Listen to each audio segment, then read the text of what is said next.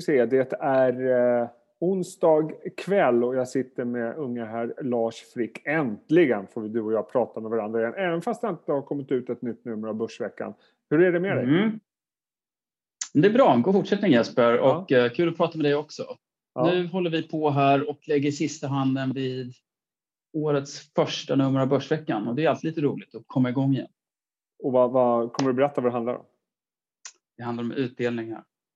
Självklart, det kommer nog bli många som vill läsa det. Det får vi prata om nästa vecka. Du, jag tänkte att mm. vi skulle göra det som många andra gör. Eh, vi ska försöka diskutera lite grann eh, utifrån historien om vad som kan hända framöver. Och 2020, eh, du och jag har ju varit med ett tag, det var ett mm. galet börsår, eller hur? Onekligen. Jag menar, det, kriser har vi varit med om några stycken, men den här har ju varit så annorlunda. Normalt pratar vi om finanskriser i olika slag. Det är hög belåning eller banker som går omkull eller ja, kanske en ovanligt djup lågkonjunktur. Då, men det här har ju varit ett helt annat väsen. Så att, jättekonstigt år. Men börsen har gått bra.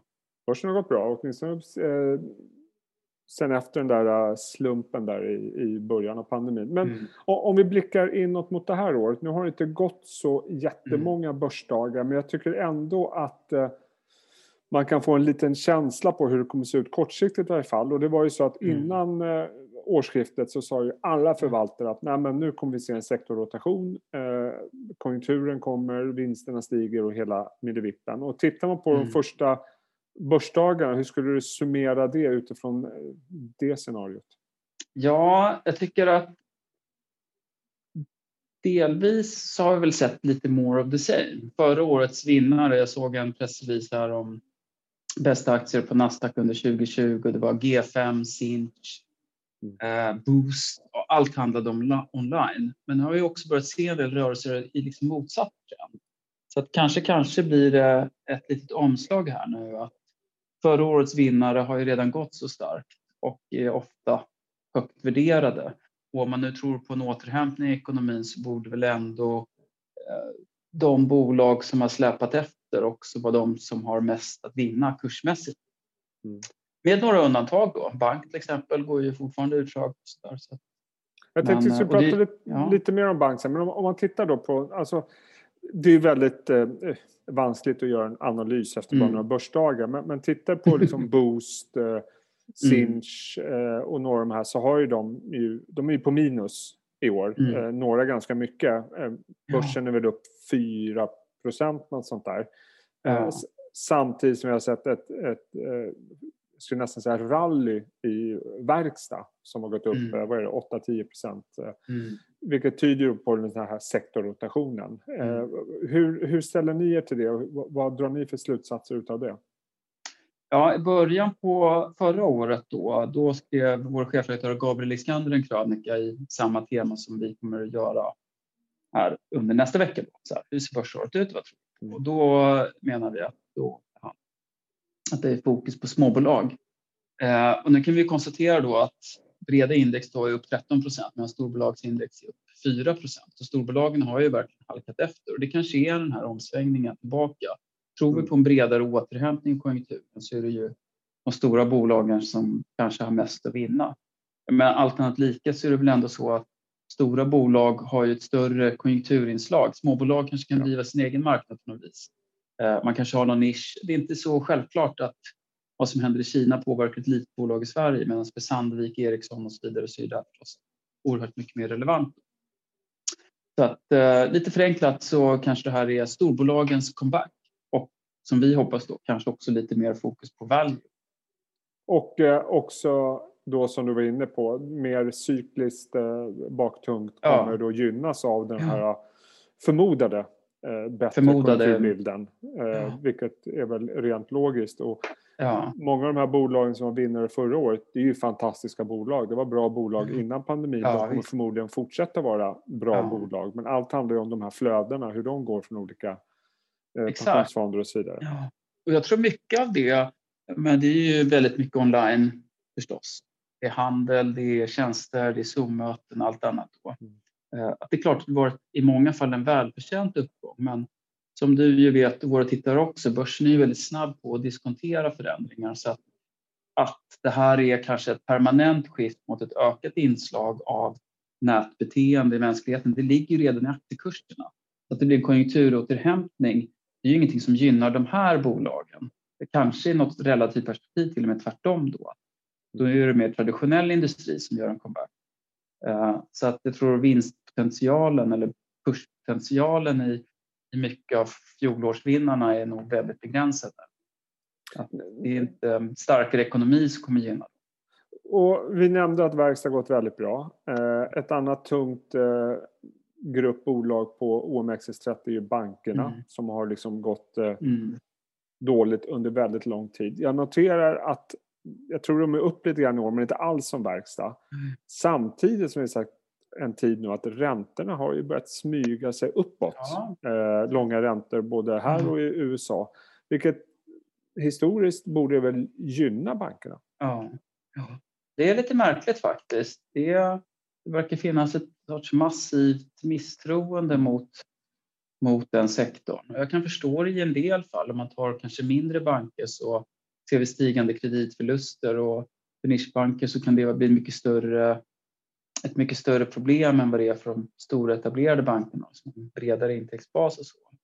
Ehm, så att återigen då ett utdelningstema så får vi se var vi landar i specifika bolagsrekommendationer. Men, men banker har ju traditionellt sett varit en väldigt bra sektor om man är intresserad av utdelning. Mm. Så om inte annat borde man nu med, med hyggligt nedpressade kurser kunna se en, ehm, ett intresse för dem. Ja, du, du, jag, ja. jag, måste, en annan sak som jag har ältat med många förvaltare sista tiden det är det här att alla, är, jag har sagt det så många gånger nu att nästan alla förvaltare tror på samma sak eh, mm. inför 2021. Det är liksom vaccinet rullar ut, vi får en, går tillbaka till en mer normal värld med bättre mm. konjunktur, bättre vinster. Men det är väldigt få, om någon, som vågar ta i de här riktiga coronaförlorarna. Mm. Liksom restaurang, hotell, eh, mm kryssning, flyg och så vidare. I alla fall bland de, bland de stora breda institutionerna. Ja. Eh, jag menar, Pandox har hämtat lite grann men är fortfarande ner mycket och så vidare. Och ja. För mig ter det sig ganska ologiskt. Ja, eller hur? Om man nu tror på en stark konjunkturåterhämtning så är det klart att de här bolagen har en enorm catch-up-effekt. I synnerhet i det korta perspektivet så är det väl en, vad ska man säga, det finns en uppdämd efterfrågan. Jag känner själv, och jag tror många med mig, att när den dagen kommer när det är okej att resa igen och gå ut och äta på restaurang så vill jag väldigt gärna göra det. Ja, väldigt gärna. Um, jag tycker ja, att titta på annat bo- Ja, eller hur? Ja. Men framförallt också att eh, konjunkturvändningen bygger på att eh, pandemin ska ta slut. Precis, det, det blir en liksom logisk... Att, eller hur? Det blir någon sorts motsättning där. Att återhämtningsscenariot bygger på en normalisering av världen och börsen så betyder också normalisering att vi återigen kan gå ut och eh, äta på restaurang. Eh, vi kan eh, flyga och man tar core är ju också en coronaförlorare då man ser att folk jobbar hemifrån så behovet av här, custody service är lika stort. Ja. Förmodligen kommer folk komma tillbaka till kontoret igen i mm. någon utsträckning. Då. Så det, det, är lite ologiskt. Det där, när det finns den typen av glapp så är det ofta det också ett bra, bra risk-reward i ett aktieperspektiv. Om ja. alla tror på en konjunkturåterhämtning, okej okay, då kör vi på det. Men då borde man också värdera upp de här bolagen. Ja, jag, det är bra spaning. jag är lite förvånad att inte de har rört sig. Du, en sista grej. Eh, jag vet inte hur mycket du och jag kan tillföra egentligen, men de här green tech eh, bolagen, eh, ESG-kopplade, har ju gått fantastiskt bra många av dem mm. under början av året. Eh, och den hypen verkar ju fortsätta. Jag vet inte ja. vad du känner. Jag försökte prata med Niklas Andersson om det här. Att, eh, mm. Jag sa att det luktade lite internetbubblan där. Mm. Eh, som också är ett paradigmskifte. Det är ju ingen som mm. ifrågasätter mm. att hållbarhetstrenden ska försvinna på något sätt. Men en del värderingar börjar väl sticka ut, eller vad säger du? Ja, verkligen. Och jag läste någonstans, eh, tyckte jag var en klok one-liner som jag tog till mig, att man ofta överskatta styrkan i förändring på kort sikt och underskatta den på lång sikt. Mm. Så att när det väl kommer en förändring, typ internethypen 99, då tror man att allt ska hända nu. Det går ju inte så fort. Då hade man ju aktier som stack. Ja, Information Highway gick 23 gånger pengarna där 2019. Eller nu. Men sen som i facit i hand så blev det ju inte riktigt så bra då. Men flyttar vi fram då till i år jämfört med 99 så har internet förmodligen penetrerat världen mycket, mycket, mycket mer än någon trodde då. Så på sikt, så ja, så är sådana trender enormt starka. Men nu har man liksom värderat upp alla bolag och de följer väl samma logik som alla andra branscher. Att några är bra, några är dåliga, några kommer bli utslagna. Sen visst, det kanske är on average lite fler som klarar sig där, i varje fall i någon sorts kort medellångt perspektiv. Men det där tror jag också att det där är för höga värderingar. Jag vet inte vad du känner Jesper, men eller hur? ESG har ju också blivit lite urvattnat redan. Ett ESG-bolag. Allt som har med klimat, miljö och rör. Allt är ju ESG idag. Precis. precis, allt är ESG och det är också ja. tror jag, något varningstecken. Jag tror att eh, precis som internet där eh, när, 99 när du och jag satt på det Aragon så var det på något sätt det kommer, det kommer successivt forma sig det här. Eh, och så får vi se vilka som blir vinnarna. Mm. Och, mm. och det kanske är någon av, av gammelbolagen som blir vinnarna, det vet vi inte. Ja. Men, men, nu känns det som att det är så otroligt mycket kapital som flödar in i den sektorn på bekostnad ja. av en del andra bolag. Så att, eh, lite försiktig ska man nog vara kanske. Mm. vad tycker du? Vad tror du, hur ska vi sammanfatta dagens lilla spaningspodd? Det är ändå att eh, kanske att det blir revansch för large cap, value ja.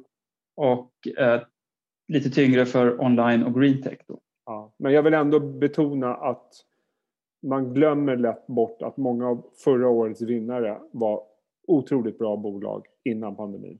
Mm. Jag, jag, tror att, eh, jag tror många av de bolagen kommer ha ganska bra utveckling i år också. Får mm. se vilka det blir. Så att, men de här flödena och mycket passiva flöden, det är svårt att ha riktigt grepp om det.